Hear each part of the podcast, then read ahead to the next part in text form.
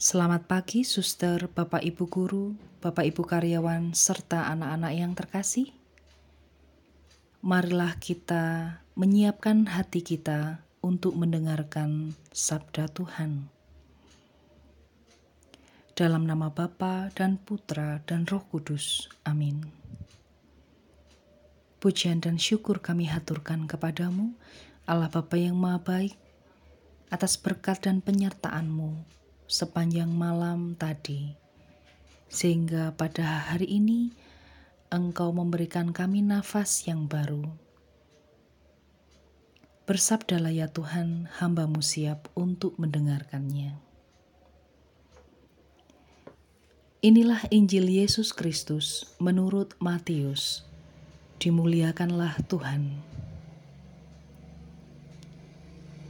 Yesus berkata kepada imam-imam kepala dan pemuka-pemuka bangsa Yahudi, "Bagaimana pendapatmu?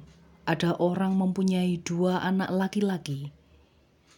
Ia pergi kepada yang sulung dan berkata, 'Anakku, pergilah bekerja di kebun anggur hari ini.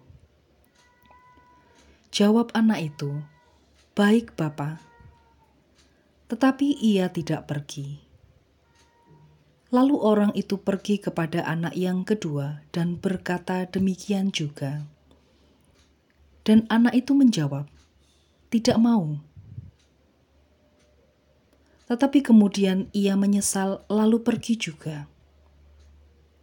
Siapakah di antara kedua orang anak itu yang melakukan kehendak ayahnya? Jawab mereka, "Yang kedua."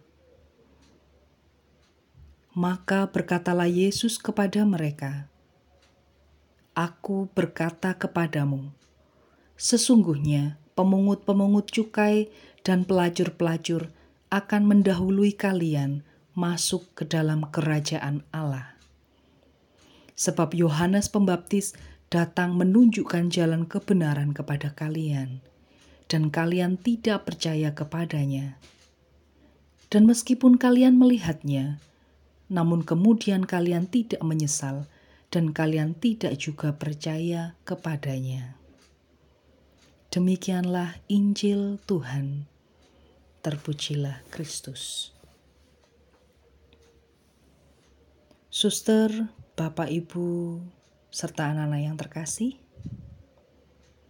Bacaan Injil hari ini menegaskan kepada kita betapa pentingnya perbuatan baik daripada sekedar mengatakan apa yang baik. Perbuatan lebih penting dari perkataan. Diceritakan seorang bapak mempunyai dua anak laki-laki. Suatu hari ia menyuruh kedua anaknya itu untuk pergi ke kebun anggur. Dua sikap muncul menanggapi permintaan tersebut. Anak pertama mengatakan ya, tetapi kemudian tidak melakukan apa-apa. Sesungguhnya sikap ini menunjukkan ketidaktaatannya kepada kehendak sang bapa.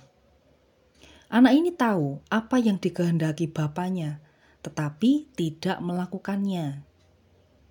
Ia hanya ingin menyenangkan hati bapaknya dengan kata-kata indah belaka. Sedangkan anak kedua mengatakan tidak. Jawaban ini tentunya mengecewakan hati bapaknya. Namun, sesudah itu, anak tersebut ternyata memikirkan kembali jawabannya. Dia menarik diri, mengadakan refleksi, dan akhirnya mengubah keputusannya. Ia menyesali ketidaktaatannya, lalu melakukan apa yang dikehendaki sang bapa. Inilah gambaran pribadi seseorang yang awalnya mengatakan hal yang tidak baik, tetapi kemudian bertobat dan melakukan hal yang baik. Kisah ini oleh Yesus diawali dengan pertanyaan, "Apakah pendapatmu tentang ini?" Sesungguhnya, dengan ini Yesus bertanya kepada kita semua, di antara dua karakter anak dalam kisah ini, mana yang menunjukkan diri kita? Mari kita masuk ke dalam diri kita masing-masing dan melihat hidup keseharian kita. Yesus tidak ingin kita hanya mengetahui firman-Nya tanpa melakukan perbuatan baik. Aktif di gereja, rajin berdoa, dan memahami kitab suci bukan jaminan bahwa seseorang melakukan kehendak Bapa. Ini sama dengan orang Farisi dan para ahli Taurat yang merasa diri mengetahui seluruh isi kitab suci. Tanpa perbuatan konkret, apa yang mereka ketahui itu tidak berguna bahkan bisa jadi sekedar menjadi kesombongan atau alat untuk menghakimi orang lain. Panggilan Tuhan kepada kita sangat sederhana, yakni agar kita melakukan apa yang dikehendakinya. Tanpa perbuatan, mulut manis dan janji-janji indah yang kita ucapkan tidak berarti apa-apa. Orang yang melakukan kehendak Tuhan adalah mereka yang setelah mendengarkan firman-Nya, mewujudkan hal itu dalam perbuatan-perbuatan baik.